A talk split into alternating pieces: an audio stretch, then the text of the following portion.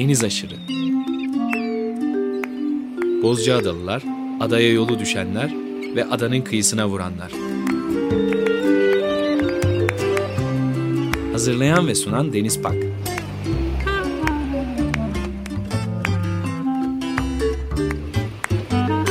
Türkiye için rüzgar enerjisi üreten Demirer Enerji'ye katkılarından dolayı teşekkür ederiz. 94.9 Açık Radyo'da yeni bir Deniz Aşırı programından herkese merhaba. Bu hafta yine Deniz Aşırı bir program konuğumuz var. İspanya'dan Hakan Öge ile bu hafta programı gerçekleştireceğiz. Hakan merhaba. Merhaba. Hakan en son 12 yıl önce yapmışız seninle bir program. Senin dünya seyahatinden hepimizin hayallerini açan, ufkunu açan nefis dünya seyahatinden döndükten hemen 6 ay sonra bir iki program gerçekleştirmiştik. İstanbul'da yapmıştık bu programı. Vay canına. Vay canına 12 sene ha. 12 sene. zaman, zaman hızlı geçiyor. Yaşlanıyoruz valla. Evet gerçekten öyle. Geriye dönüp baktığımda inanamadım. Yani 12 sene ne kadar hızlı geçmiş. 12 sene önceki programda neler konuşmuşuz diye bir göz gezdirdim. Türkiye'de denizcilik kültürünü ve deniz kültürünü konuşmuşuz. Senin Magellan rotasını izleyerek Magellan'ın izinde yaptığın dünya seyahatini, deniz aşırı seyahatleri konuşmuşuz. Ve tabii adalılık, ada, İslomanya ve dünyada gezdiğin 33 civarında ada devlet gezdim diye söylemiştin. Ama e, yüzün üzerinde Evet. de adaya ziyaretim olmuştu diye anlattığın e, o nefis e, Evet. hikayeyi dinlemiştik. Biz de İs- İslomanyaklar olarak unutamamıştık açıkçası bu yayını. Yeniden bir arada olmak gerçekten çok çok güzel. Nasılsınız? Bugünler nasıl geçiyor? Aradaki zamanı mutlaka soracağım. Onlarla ilgili çok şey konuşacağız. Önümde çok böyle yoğun bir gündem var. Bir sürü de müzik seçtik. Bakalım onlardan hangilerini çalabileceğiz. Programda bunların hepsini e, göreceğiz ilerleyen zamanda. Ama Covid günlerinde, Covid-19'da İspanya'dasın. İspanya'da bir dağ köyüne yerleştiğini biliyorum. Doğru söyleyemiyor olabilirim. Espinosa de Evet. los Monteros şehrinin e, yakınlarında bir yerdesin. Bask bölgesinin olduğu bölgede Evet.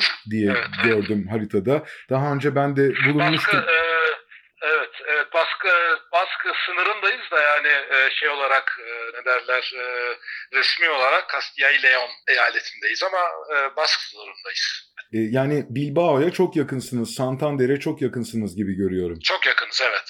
Çok yakınız. Öyle. Aynen öyle. Bir dağ köyündesiniz değil mi? Bu şehre yakın mısın Hakan? Bu Espinoza'ya çok yakınız evet. Yani bisikletle gidip geliyoruz e, şey için ne derler. Markete falan gitmemiz gerektiği zaman aşağı yukarı bir 6-7 kilometre mesafedeyiz. Ama bulunduğumuz yer e, oldukça e, e, izole bir yer. Yani şehre yakınız ama aynı zamanda da son derecede uzağız. E, pek insan yok etrafımızda. Şehrin e, birazcık nimetlerinden fayda- faydalanarak doğayla iç içe yaşıyoruz. Böyle bir yaşantı işte. Nasıl biraz anlatsana. E, orman içindeyiz. E, buralar aslında bir zamanlar Asiago denen e, köylüler var. Bunlar bizim e, Karadeniz'de olduğu gibi yaylacılık yapıyorlar. Kış aylarında aşağıya köylerine iniyorlar. Yaz aylarında e, yukarıdaki otlarına çıkıyorlar. Mış zamanında yani buralar olduğu gibi e, bu insanlarla doluymuş. Fakat şimdi pek kalmamış. E, tabii e, İspanya e, zenginleştikçe e, bu insanların çoğu şehre göçmüşler. Bu yaşantıyı sürdüren çok az insan kalmış. Hala var ama artık biraz folklorik öge gibi kalmış ortalıkta. Ve dolayısıyla buralar oldukça boş şimdi. Zaten İspanya'nın köyleri genellikle boş, e, terk edilmiş. İnsanlar şehre işte göçmüşler. Burası da e, işte nispeten boş köylerden biri. Tabii öyle olunca İspanya'da bu köylük yerlerde de e, yer bulmak, yer almak çok hesaplı ve e, altyapıları bayağı iyi. Yani dağ başında olmamıza rağmen işte elektriği var, suyu var. Evlerin hepsi taş ve çok iyi durumdalar. Çok eskiler. Böyle 300-400 yıllık evler ama e, hala içinde oturulabilecek gibiler. E, zamanında bayağı sağlam yapılmış. Böyle bir ortamda e, işte aşağı yukarı 3 sene oldu buraya geleli. E, işte gayet güzel e, şimdilik yaşayıp gidiyoruz. Özellikle bu tür zamanlarda bu işte Covid-19 zamanında bayağı iyi geldi bize açıkçası. Yani İspanya karantinada yani çok ciddi, çok sıkı bir sokağa çıkma yasağı var 2 aydır. Ama bizi pek etkilemedi. Biz zaten köylük yerde olduğumuz için dışarıdayız. E, hatta arka tarafımız e, dağ ve e, bomboş hiç kimse yok, hiç insan yok. E, sadece işte e, hayvanlar var. Bu iki ay boyunca hemen her gün yürüyüşe falan da e, gidebildik. E, yani bunlar tabii birazcık şehir dışında izole, izole yaşamanın faydaları. Evet, siz zaten izolasyon içinden çıkan insanlar olarak izolasyon bizim hayatımızı pek değiştirmedi diyebilenlerdensin. Doğru, evet öyle, hakikaten öyle. Valla aslında bu izolasyon yaşam tarzı e, teknede başladı. Açıkçası 3 sene insanlardan uzak, e, ilk başta tek başınaydım. Sonra Sofi ile işte birlikte e, yaşamak bize bayağı iyi geldi. Ondan sonra İstanbul'da bir e, geçiş dönemi yaşadık. İşte bir döndükten sonra ne kadar bakayım 2000 kaç yılında dönmüştük. Valla o kadar eskidi ki artık düşünmem gerekiyor. 2007'de döndük. E, yaklaşık bir 2017'ye 2000 tabii 2017'ye kadar falan da şehirde yaşadık. Yani bu aradaki o şehirde yaşam e, bölümü yani bir 10 senelik, 9-10 senelik dönem bayağı zor geçti açıkçası. Çünkü o e, teknedeki yaşantıyı hakikaten çok özledik. Yani insanlar sonuçta sosyal yaratıklar tabii bunu kabul ediyorum ama e, bilmiyorum bazıları şeyi çok sosyalliği sevmiyor herhalde. Biz de hem ben hem Sofi o sınıfa aitiz zannediyorum. O yüzden bir işte kaçış yolu arıyorduk. Ondan sonra işte kendimizi dağlara vurduk ondan sonra. harika, harika. Ne yapıyorsunuz? Nasıl geçiyor günleriniz? Evet. Ee, İspanya'da son durum nedir? Gibi kombine bir soru sorayım sana. Vallahi günlerim nasıl geçiyor? Yani sonuçta burası e, tabii köylük yer. E, aşağı yukarı her şeyi kendimiz yapmamız gerekiyor. Mümkün olduğu kadar e, kendi kendimize yetmeye çalışıyoruz. İşte e, bostan var, bostanla uğraşıyoruz. Ondan sonra hayvanlar var. İşte tavuklarımız var. E, bu tavukların e, işte yumurtaları vesaire, işte kümesiz bakımı. Ondan sonra ilgilenmek lazım tabii bunlarla atlarımız var. bu atların da işte biraz bakıma ihtiyaçları oluyor. Gerçi bunlarla daha çok Sofi uğraşıyor. Atlarla, atlardan sorumlu olan o. Köpeklerimiz var iki tane. o köpeklerin de işte bakımı gerekiyor. Ondan sonra bunlarla ilgilenmek gerekiyor. Bunlarla yürüyüşler yapmak gerekiyor. Böyle. onun dışında e, sık biniyorum. Burada işte e, bir sürü bisikletim var. E, yol bisikletim var, dağ bisikletim var, e, tur bisikletim var. Arada bir böyle bir iki günlük turlara falan çıkıyorum işte.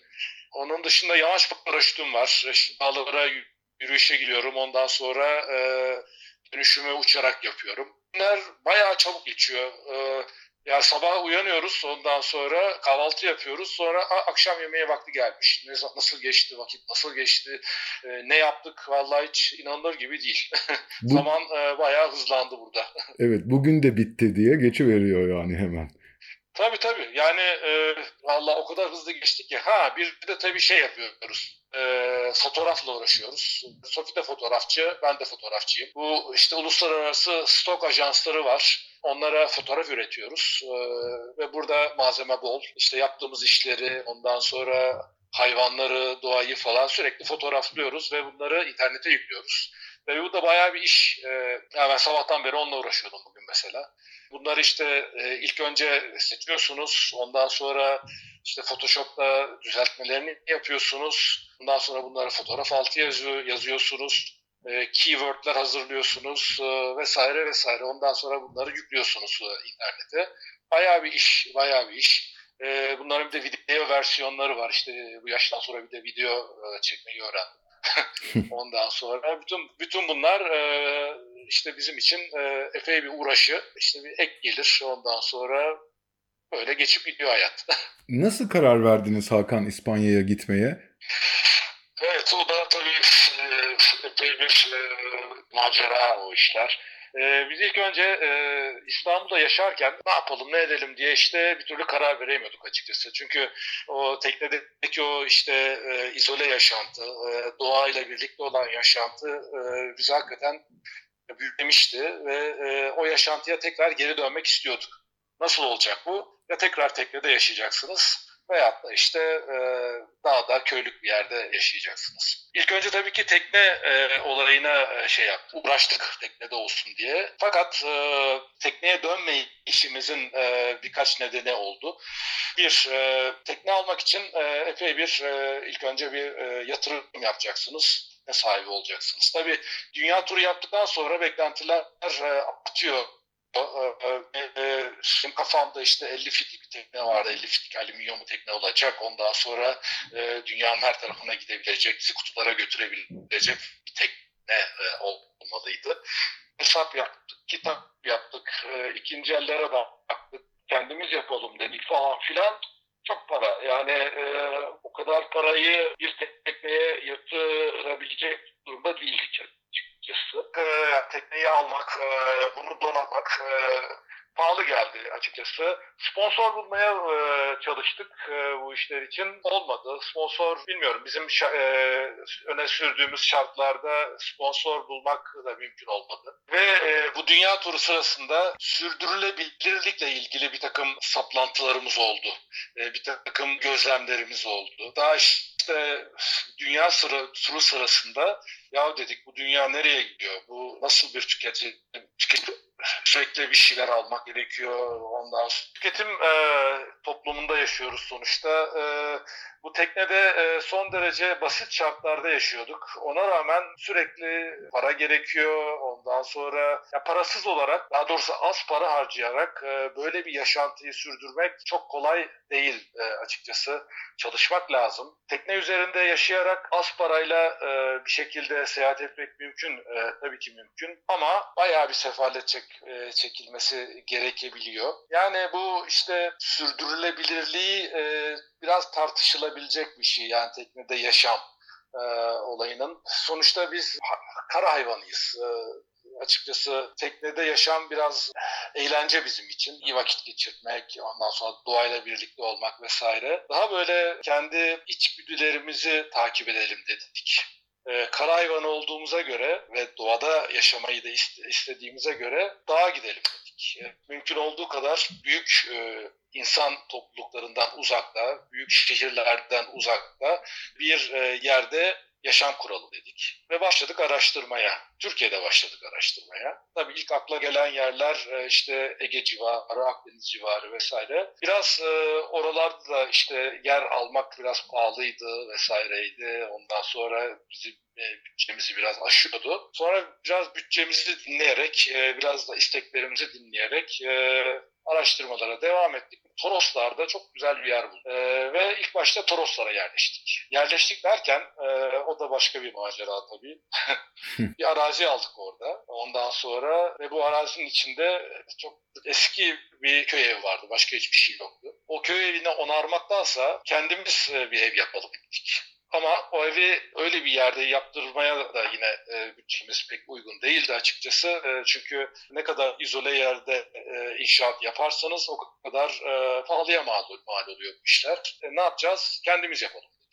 Nasıl kendimiz yapacağız? Kendi ellerimizle nasıl ev yapabiliriz? Sonuçta teorik olarak biliyoruz ki insanlar 20. yüzyılın, 21. yüzyılın olanaklarıyla doğmadılar. Eskiden de insanlar ev yapabiliyorlardı. Biraz araştırınca bir iki kişi kendi elleriyle ev yapabilir. Ve bunu yapabilmek için bir takım e, kurslar almaya başladık. İşte Polonya'ya gittik. Ondan sonra Polonya'da böyle çok iyi bir e, organik ev e, tasarlayan bir mimar var. E, onun işte çalıştaylarına kat, katıldık vesaire. Ondan sonra e, toprak ve saman e, kerpiç diyelim. E, kerpiçten e, yuvarlak böyle hobi evi gibi bir ev yaptık. Ve orada yaşamaya başladık. İlk e, maceramız bu. Böyle oldu. İki sene kadar yaşadık orada. Ondan sonra ve çok şey öğrendik tabii. Ben başta bir tahtaya çivi bile çakmasını bilmiyordum açıkçası. Yani denizcilik olarak e, epey bir bilgim vardı tabii. Yani işte teknenin parçalarını arabilirim, motor bozulursa müdahale edebilirim ama İnşaat başka bir şey tabii yani çok daha böyle e, kaba bir olay. Çivi çakacaksınız, çok büyük işte ağırlıkları oradan kaldıracaksınız, oraya e, götüreceksiniz vesaire. Bir de bunun tabii hesaplamaları vesaireleri var. Bütün bunları öğrenmem e, biraz e, zaman aldı. E, çok hatalı yaptım ama sonuçta bir şekilde güzel bir şey çıktı ortaya. Ve bu da işte izole yaşamaya başladık açıkçası. Aşağı yukarı bir işte iki sene yaşadıktan sonra oranın bir takım sorunları bizi rahatsız etmeye başladı. Bunlardan bir tanesi su. Sonuçta Türkiye genel olarak e, Akdeniz e, ülkesi. Karadeniz kıyısı dışında e, yazları pek yağış almıyor. Yani işte kışın ne yağarsa o, yazın 4-5 ay doğru dürüst hele bizim bulunduğumuz bölgede hiç yağmur yağmıyor. Dolayısıyla kuyular açmanız gerekiyor. Ondan sonra işte su bulacaksınız. İşte bir kaynağımız vardı orada ama kaynak Ağustos ayından itibaren kuruyordu. Böyle 3 ay bayağı bir e, susuz bir dönem e, yaşamamız gerekiyordu vesaire. Birazcık bezdirdi bu bizi açıkçası. Alternatif aramaya başladım. Ne yapalım, ne edelim? İşte e, burayı satıp e, başka bir yere mi gidelim? Çok da uğraştık burayla ne yapmalı, ne etmeli falan filan derken işte Sofi sonuçta e, Belçika vatandaşı e, eşim. Bu Avrupa'ya gidelim dedi. Daha sonra da işte birazcık ülke de değiştirmiş oluruz. Macera olur bize vesaire. Ondan sonra e, o sırada Türkiye'de e, işte bu e, bir darbe girişimi oldu. Çok böyle tatsız bir e, siyasi e, o ortam e, oluştu vesaire. Tabii hepsi bir araya gelince e, dedi ki e, Avrupa'nın e, çok işte yağış alan bir bölgesine gidelim ondan sonra ama e, maddi olarak da e, bizi aşmasın. Araştırdık, ettik. E, İspanya'nın bu kuzey bölgeleri e, daha sonra çok yeşil e, yağışı bol. Hem kesemize uygun geldi hem iklimi e, isteklerimizi karşıladı. E, buraya gelmeye karar verdik. Biraz araştırdık, yer bulduk vesaire vesaire. Evet, orada da kendiniz yaptınız galiba. Ben sizin bütün sürecinizi takip ediyorum tabii. Bu bahçe kapısı da bitti bugün falan gibi paylaşımlarını çok net hatırlıyorum. Ee, tabii bütün o e, Türkiye'de edindiğim o beceriler, bilgiler burada çok işime yarıyor açıkçası. Buraya geldiğimizde evin altyapısı e, tamamdı. Yapılacak fazla bir şey yoktu. E, yaşadığımız yer aslında işte dediğim gibi e, eski göçer ailelerinin yaşadığı e, eski taş bir evden geçmiş. E, dolayısıyla yani buranın renovasyonu çünkü e, taşlar, e, bütün duvarlar falan e, çok sağlam eskiden olduğu gibi. Sadece işte çatıyı e, su geçirmez hale getirmişler. İçerisi işte daha bir yaşanabilir hale gelmiş vesaire. Onun dışında bir takım tabii değişiklikler gerekti. Ee, işte mutfağı düzenlemek gerekti. Ondan sonra mutfak aşağıdaydı. Onu yukarıya aldık vesaire. Evin içindeki bütün bu e, düzenlemeleri, değişimleri e, biz yaptık yine. Ev taş olduğu için evin dışında bir şeyler yapmak zor. Yani e, ağır çünkü çok büyük kaya bloklar. Bunları tek başına işte oradan alacaksın bir yere koyacaksın e, pek mümkün değil. Ama Allah'tan dediğim gibi e, altyapı sağlam. Daha çok evin iç dekorasyonuyla uğraşıyoruz. Herhangi bir arıza olduğunda e, direkt e, biz müdahale edebiliyoruz. Zaten böyle bir şey olmasa bizden böyle şeyler gelmese de kalkıp e, Avrupa'da yaşamayı durumda derece bunlara, bunlara güvenebildiğimiz için e, biraz da Avrupa'da yaşam fikri olabilir yani. E, Hakan e, bu arada sizin İspanya'ya gitme sürecinizde ben seninle daha önce konuştuğumuzda yazışmalarımızda senin bana yazdıklarından biliyorum ki biz Covid-19'u tabii ki bilmiyorduk ama bizim dünyanın çivisinin çıktığını ve bir şekilde artık sistemin kilitleneceğini öngördüğümüz için de biz böyle bir hayatı tercih ediyoruz. Yani sadece o teknedeki izole hayatı e, yüzen bir ada gibidir tekne her zaman. Biz o izole hayatı arayarak e, sadece aramıyoruz. Bir yandan da şehirlerin, büyük kentlerin insan doğasına da artık çok uygun olmadığını düşündüğümüz için, biraz bunları öngördüğümüz için de böyle bir hayatı tercih ettik diye yazdığını hatırlıyorum. Ee, bilmiyorum bu konuda neler demek istersin? Evet, tabii tabii. Ee, ya işte aslında söyleyecek o kadar çok şey var ki bunlar tabii tek bir soruyla bir anda söyleyemiyorum.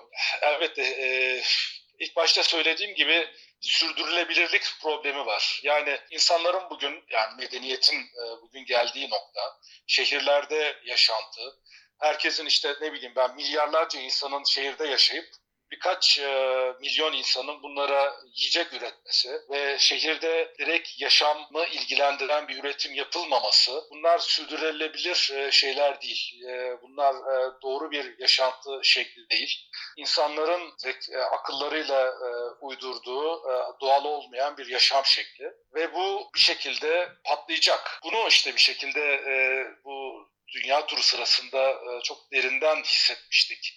Yani bu sadece işte parayla ilgili kısmını söyledim, ekonomik e, boyutunu söyledim bu işin. Ama insanın insanca mutlu bir şekilde yaşamasını da engelliyor e, bu şehirlerdeki yapmacık yaşantı diyelim. Şehirlerdeki yani hissettiğimiz, yaşadığımız şeylerin çoğu yapmacık mutluluklar da yapmacık açıkçası. Yeni bir iPhone e, çıkıyor. Onu aldığım zaman kendimizi mutluymuş gibi hissediyoruz. İşte bir gün süren böyle bir e, mutluluk hissi. Ama yani mutluluk tam olarak o değil. E, tam olarak bunu hissetmek için, iyi, huzurlu bir yaşantı yaşamak için insanın daha böyle derinlerde, iç, içgüdülerinde bulunan yaşam formuna dönmesi lazım. Ve bu yaşam formu da doğa, doğada yaşamak lazım. Yani e, doğayla kopuk yaşamamak lazım. Şehirlerde, apartmanlarda yaşıyoruz. Büyük binalarda. İşte herkesin bir yaşam alanı var. Çok doğru bir yaşam şekli değil bu. Yani bu birazcık e, endüstrileşme e, da işte insanların birazcık da mecburiyetten alt alta üst üste yaşamaya başladıkları bir yaşam formu. Ee, sonuçta bundan 100-150 yıl önce e, insanların çoğu işte katlı evlerde, e, bahçeli evlerde yaşıyorlardı. İşte kendi yiyeceklerini kendileri üretiyorlardı. Çok yeni bir yaşam formu bu.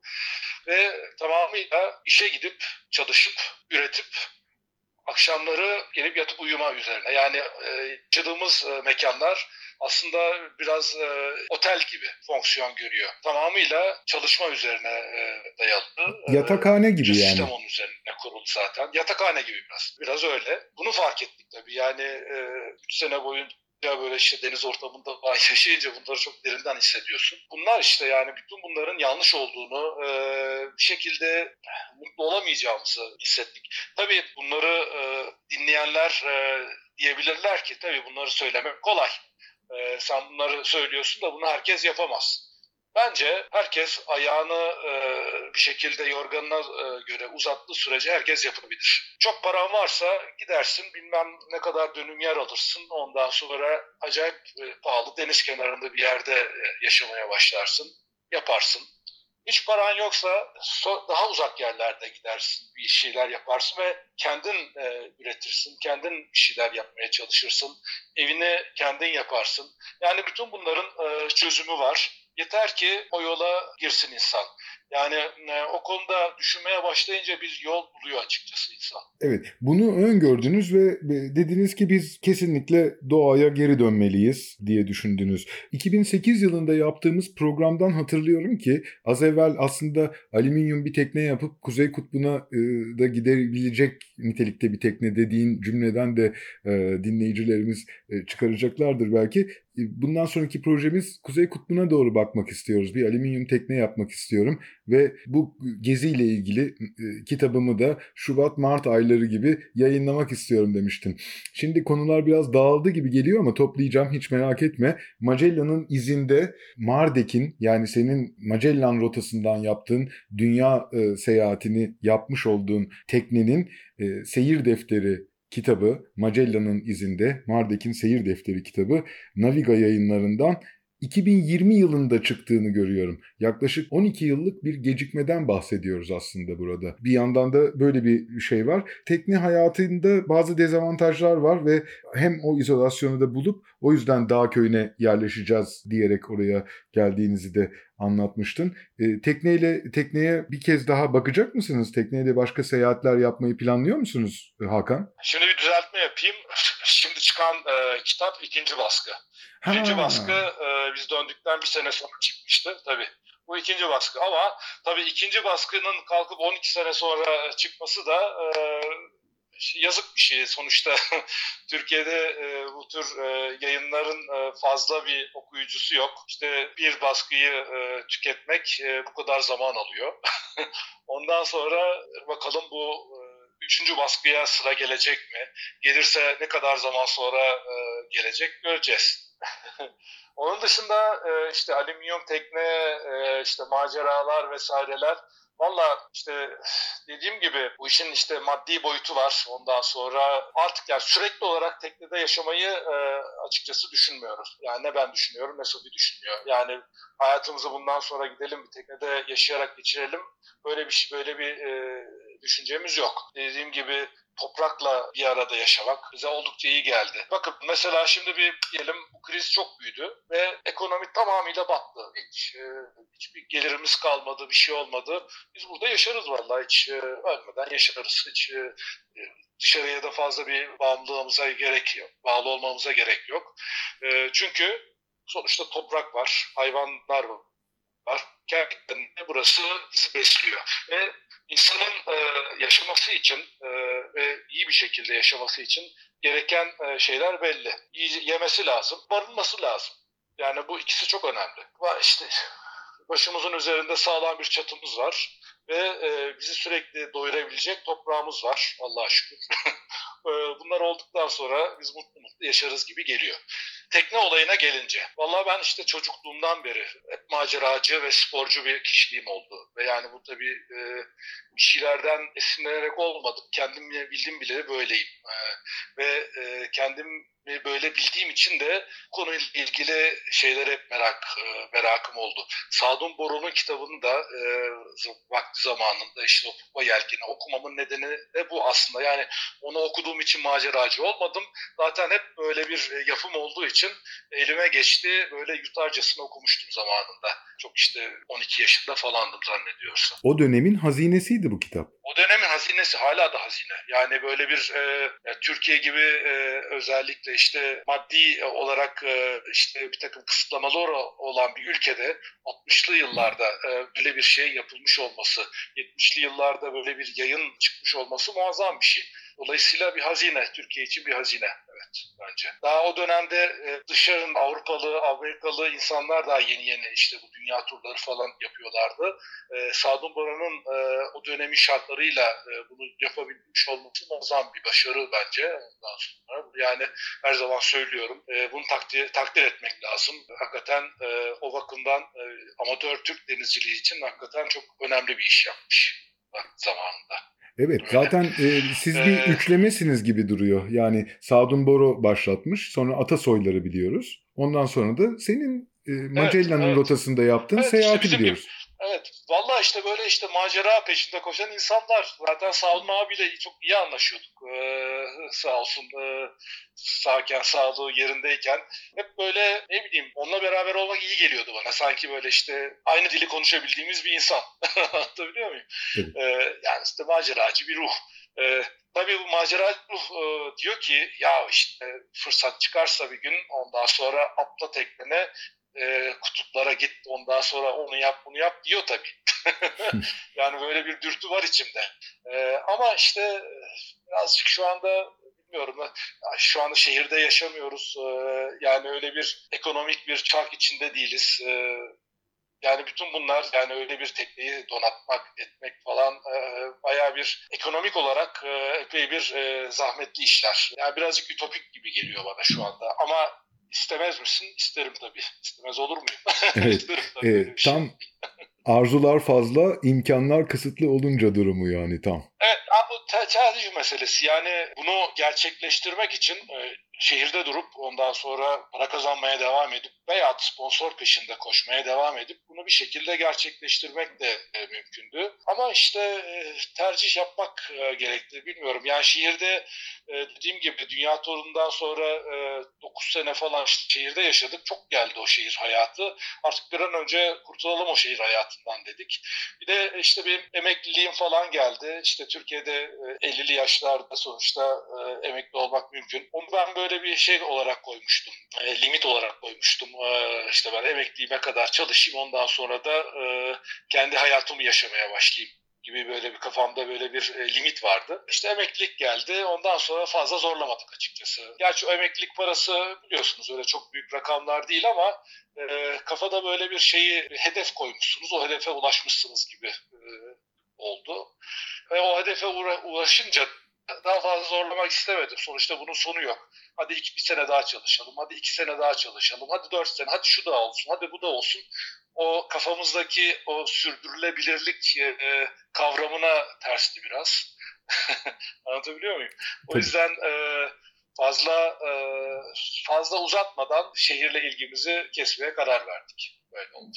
müthiş, müthiş ve o sürdürülebilir hayatı da şu anda kurduğunuzu görüyorum aslında ben. Evet, evet. Tabii bizim e, çocuk yok bizde. E, bu biraz tabii işleri bu tür kararlar almakta kolaylaştırıyor. Tabii çocuğun işte e, okuluydu vesairesiydi. Ondan sonra onun sosyal hayatıydı. Daha tabii kom komplike işler çocuk olsa e, bu tür kararları almak ve bu kadar kolay coğrafya değiştirmek e, o kadar kolay değil tabii çocukla birlikte bunu kabul ediyorum. O da bir tercih aslında. Yani e, çocuk sahibi olalım mı, olmayalım mı? E, işte bu tür e, kararlar, e, yani bu tür e, coğrafi e, e, radikal değişiklikleri e, öngördüğümüz için hayatımızda çocuk yapmamaya karar verdik mesela. Bu da işte bütün e, işleri birazcık daha hızlandırdı ve kolaylaştırdı. Evet, manevra kabiliyetini çok kısıtlayan bir durum aslında. Yani aslında e, bu hayat tabii, tabii hayatta bu kadar çok sevebileceğin ama hayat konforunu da bu kadar aşağıya çekebilecek başka bir e, durum yok. Yani çocuk sahibi biri olarak bunu çok rahatlıkla söyleyebilirim. Doğru tabii ya. Tabii tabii çok bağlıyor insanı ama tabii çocuğun verdiği de eminim yani çocuğumuz yok bunu e, birebir yaşayabildiğim yaşay, yaşayamıyorum. E, dolayısıyla çok iyi bildiğim bir şey değil ama herkesin söylediği çocuk sahibi olmak tabii muazzam bir şey, muazzam bir deneyim. E, bu da çok yani sonuçta soyumuzun devam etmesi vesaire çok iç, içgüdüsel bir şey. Ama işte bu da işte tercih e, sonuçta çocuklu yaşamın da bir takım avantajları, dezavantajları var çocuksuz yaşamında. Çocuksuz yaşa, yaşayınca daha böyle bir işte e, hayatınızı daha rahat e, bir şekilde yönlendirebiliyorsunuz böyle. evet, e, orada hareket ediyor musunuz İspanya'da? Ben yıllar önce e, San Sebastian'a, Bilbao'ya, Santander o bölgeyi gezdiğimiz zaman e, oranın çok Karadeniz bölgesine benzeyen yerler olduğunu, hatta oradaki yayla evlerinin neredeyse aynısını o bölgede görmüştüm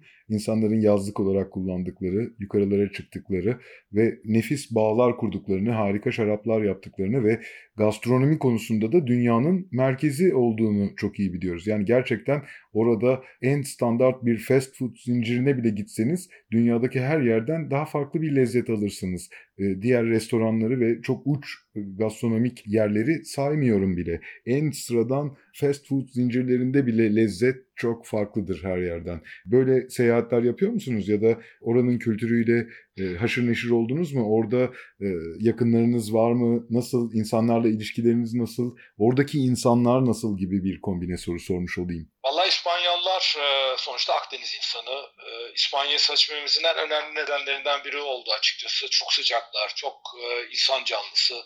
Yani kendimi burada hakikaten insanlar içinde sosyal olarak Türkiye'de gibi hissediyorum. Ee, sadece tabii Türkçe değil İspanyolca konuşuyor insanlar. Çok sıcaklar. Ee, insanla ilişki kurmak çok kolay. Çok açıklar yabancıya karşı ve e, çok yardımseverler. İnanılmaz bir yardımseverlik var. Yani e, bir şey istiyorsunuz ondan sonra hiç problem yok diyorlar. Böyle evinize kadar servis yapıyorlar falan. İnanılmaz, inanılmaz. Dolayısıyla insan konusunda çok hakikaten memnunuz. E, çok mutluyuz o bakımdan. Ve e, etrafta tabii ufak diziler yapıyoruz. E, İspanya'nın e, kuzey kıyı, pardon güney kıyılarında Sofia'nın iki tane e, kız kardeşi var. Ee, onların işte evleri falan var. oraya falan gidiyoruz arada bir. Ufak böyle İspanya turları falan da yapma şansımız oluyor. Ama genel olarak e, evden yani bulunduğumuz e, alandan çok çıkmıyoruz. Bir de tabii e, şunu fark ettim. Tatil yapma isteği, gezip tozma isteği birazcık şehir yaşantısının getirdiği sıkıntıdan kaynaklanıyor zannediyorum. Ben de acayip sürekli böyle bir gezi tozma isteği vardı. Bende de vardı inanılmaz şekilde sürekli işte gideyim yeni yerler göreyim falan filan. Daha çok e, sanki şehirden çıkma isteğiymiş falan e, gibi olduğunu e, fark ediyorum şimdi. Çünkü o kadar güzel bir ortamda yaşıyoruz ki buradan gitsem, çıksam daha yine güzel yerler görmeye gideceğim de buradan daha güzel olmayacak. Öyle evet. bir şey var. İşte gidiyorsun e, tabii şaşırıyorsun. E, güzel şeyler görmek her zaman farklı şeyler görmek güzel. Ama arada bir o yüzden çıkıyoruz e, yerlere gidiyoruz ama e, şehirdeki gibi her fırsatını bulduğumda her hafta sonu oraya gideyim buraya gideyim gibi bir istek kalmadı artık. Ne bileyim ayda bir buradan çıkalım işte okyanusa gidelim okyanusta biraz yüzelim e, gidelim ondan sonra Yandaki köye gidelim işte orada bir e, işte şarabından tadalım ondan sonra veya şey e, internette görüyorum yakındaki bir köyün işte kilisesi çok güzelmiş e, gidelim orayı görelim falan. Yani bu tür ufak tefek merak kaynaklı geziler yapıyoruz. Ama işte güzel bir ortamda e, daha böyle e, kendi isteklerimizi e, doyuran e, bir ortamda yaşamak açıkçası e, sürekli böyle gezip tozma isteğimizi bayağı bir köreltti. Bayağı bir köreltti. Evet bu bu şeye de benziyor biraz. Yani biz adalılar ben 13 ay karşı kıyıya geçmediğim olmuştu. Yani benim rekorum oydu. Evet. Adada da adada da yer değiştirmek çok zordur. Yani ben 80 yaşında Katerina teyzeyi hatırlarım. Rahmetli oldu. Katerina teyze evet, evet, evet. 80 evet, evet hatırlıyorum. 80 yıl boyunca e, adanın ucundaki e, Polente fenerini görmemiş. Görmeden öldü kadıncağız Bozcaada'da. Uzaklığı 6 kilometre. Yani nasıl buna ihtiyaç duymazsın? Yani insan çıldırıyor da bir yandan aslında bakarsan. E, böyle bir e, yanı da var tabii gerçekten. Bu arada yani dünyada tabii siz e, Magellan'ın rotasından o kadar çok ada devlet ve ada ve sömürgecilik e, sömürgeciliğe maruz kalmış, sömürgecilik kültürü üzerinden gelen, hayatını onun üzerine kurmuş e, yüzlerce mekan, binlerce mekan gezmiş, görmüş birisi olarak İspanya'nın bu dünya coğrafyasına yaptıkları ile ilgili neler söylemek istersin? Yani oradan e, bu seyahatte sonunda en sonunda İspanya'da yaşamayı tercih etmende bir etki oluşturdu mu gibi e, bir başka soru da geliyor aklıma. Yok canım yani sonuçta e, bu e, tarihsel e, yani geçmişte yaşanmış olanlara e, kafayı takarsak o, o çok kötü. O zaman e, yani kendi tarihimizle de yüzleşmemiz lazım vesaire. Yani bu e, tarihsel olaylara bakarak e, şimdiki medeniyetleri yargılamak e, çok doğru bir şey değil bence.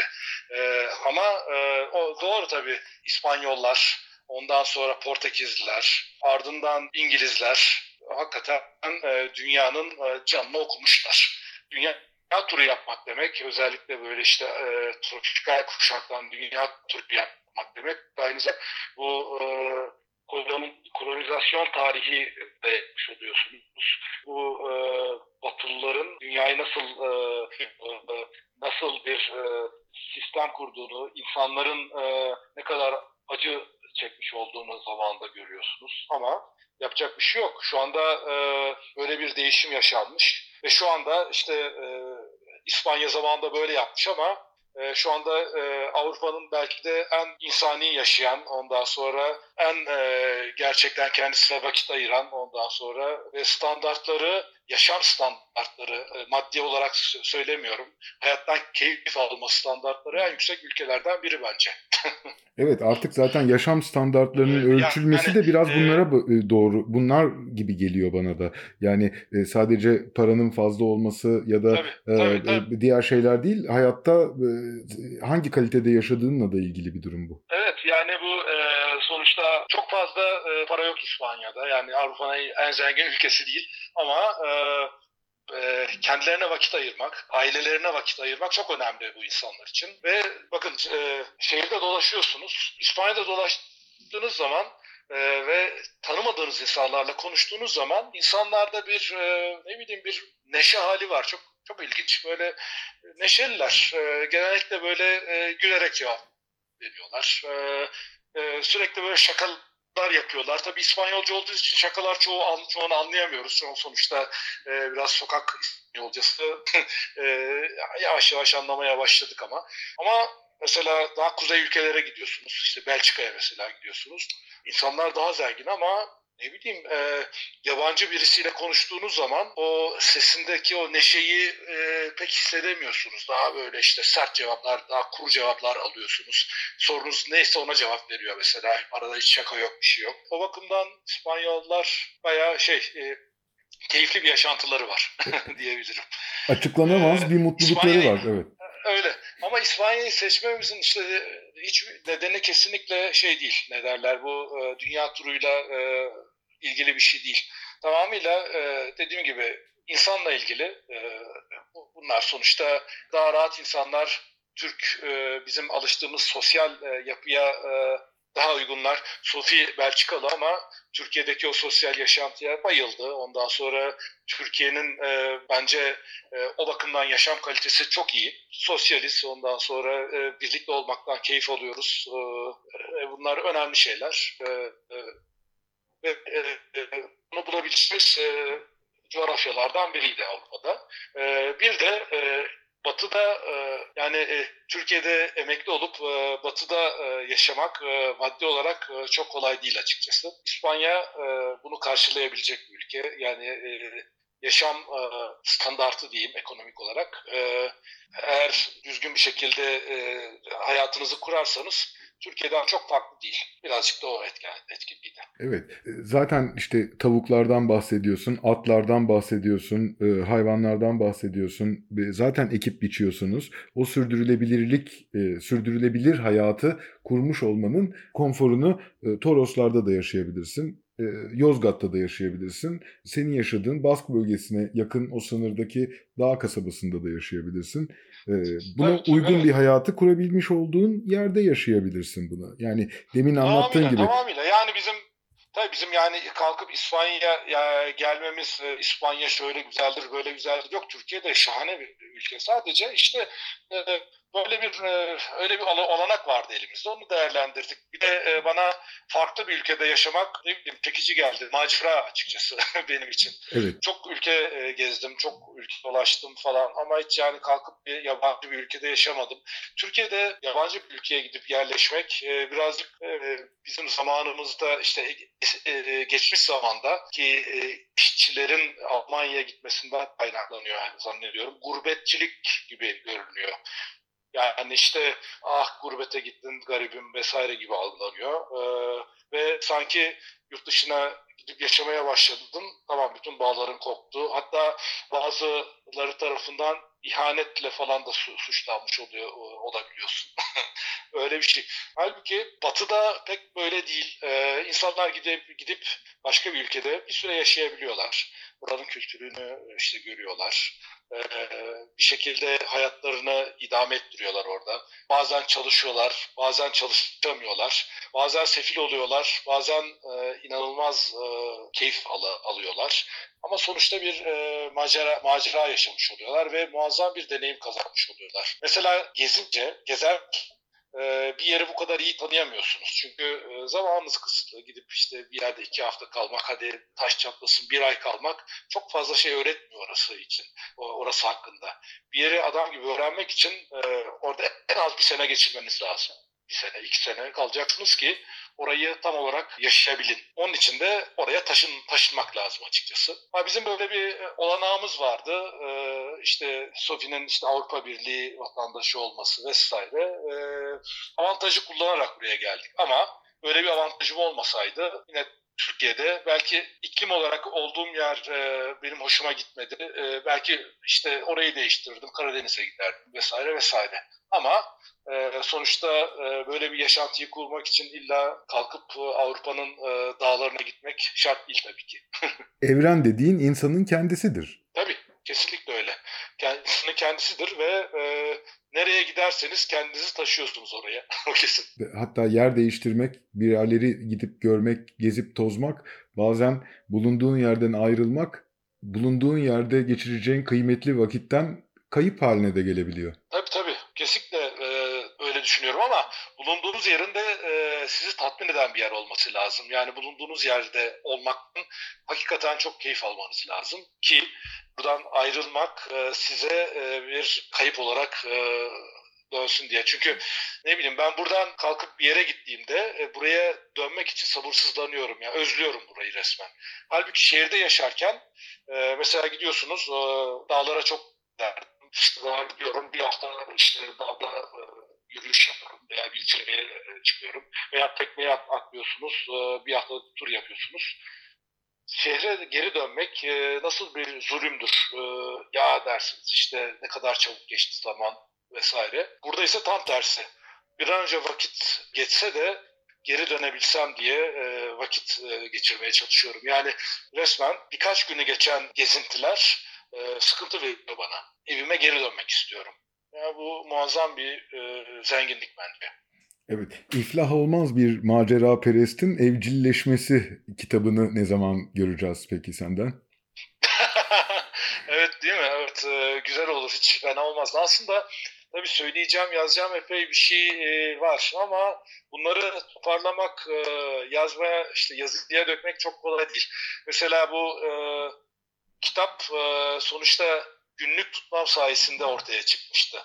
Sonuçta o günlükleri bir şekilde birleştiriyorsunuz. Ondan sonra aradaki boşlukları e, e, tamamlıyorsunuz. Bir kitap olarak çıkıyor ortaya ama sıfırdan bir kitap yazmak çok kolay değil tabii. Yani e, onu işte güzel bir şekilde toparlamak lazım, e, iyi organize etmek lazım, e, vakit ayırmak lazım. Bakalım. Yani aslında hep var kafamda böyle bir şey.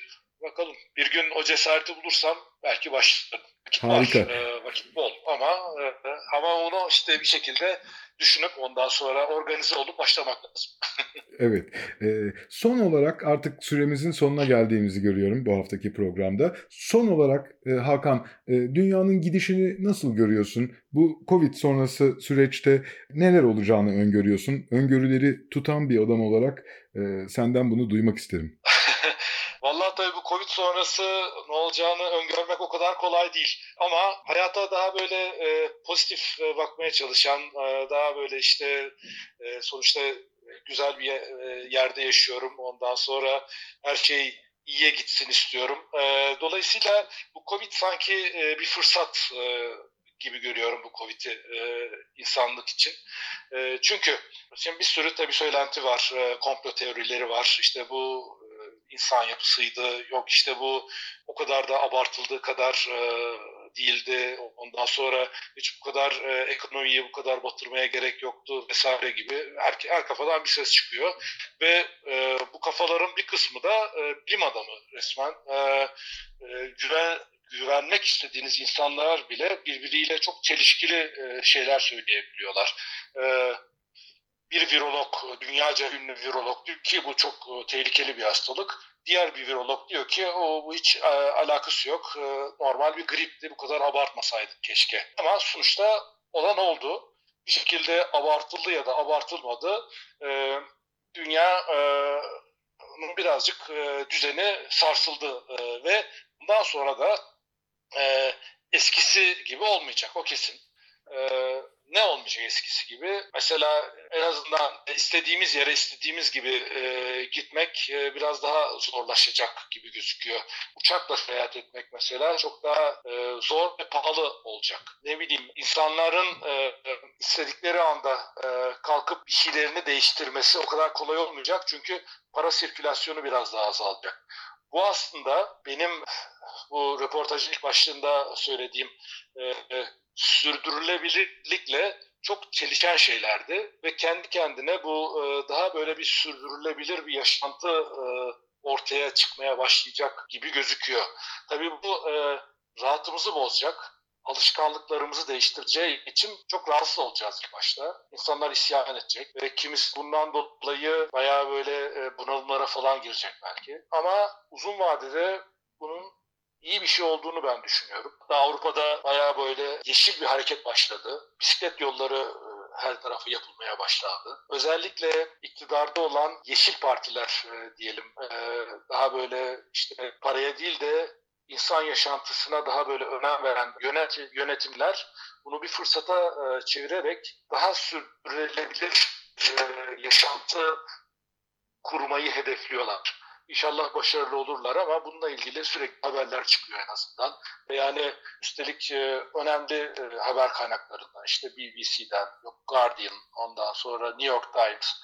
Yani bu tür e, önemli ciddi yayın organları bu değişimden bahsediyorlar sürekli. Bunlar çok çok umut verici tabii.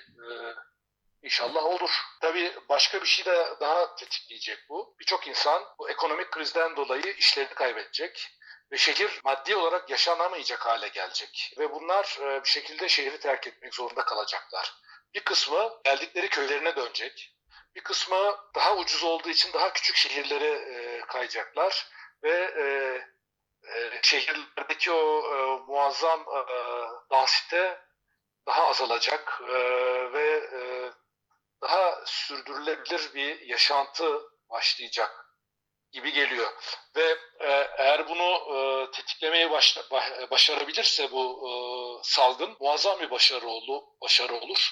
Çünkü insanların e, böyle bir değişim yapabilmesi için bir kriz olması gerekiyordu.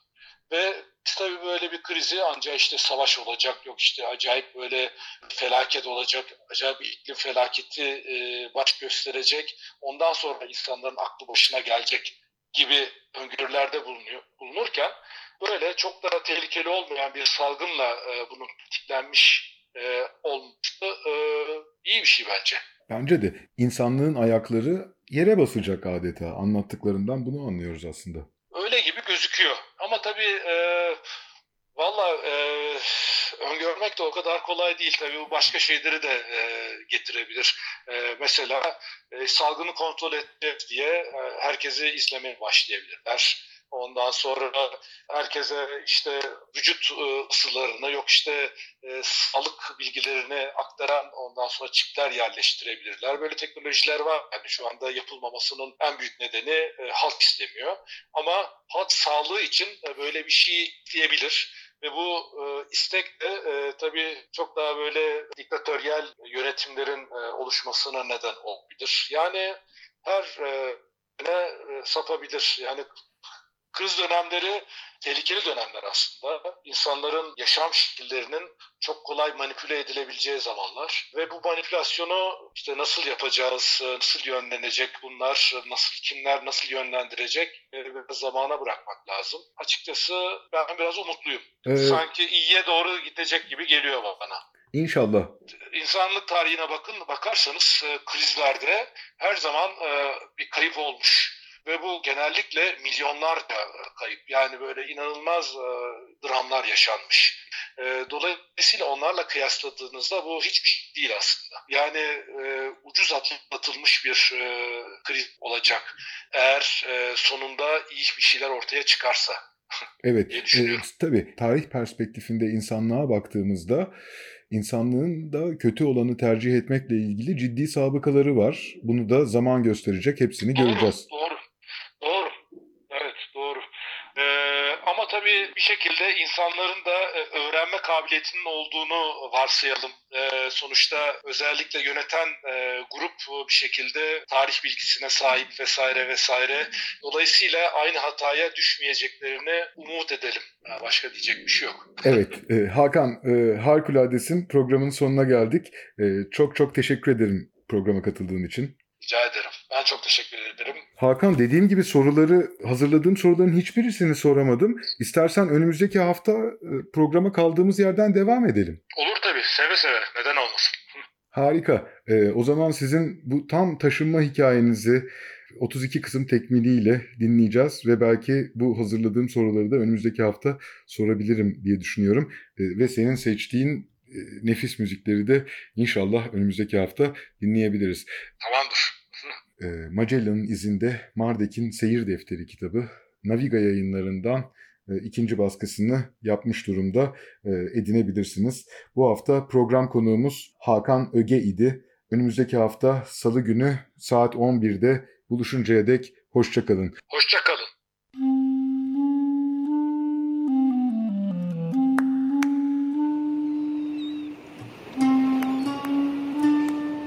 Deniz aşırı. Bozcaadalılar, adaya yolu düşenler ve adanın kıyısına vuranlar. Hazırlayan ve sunan Deniz Pak.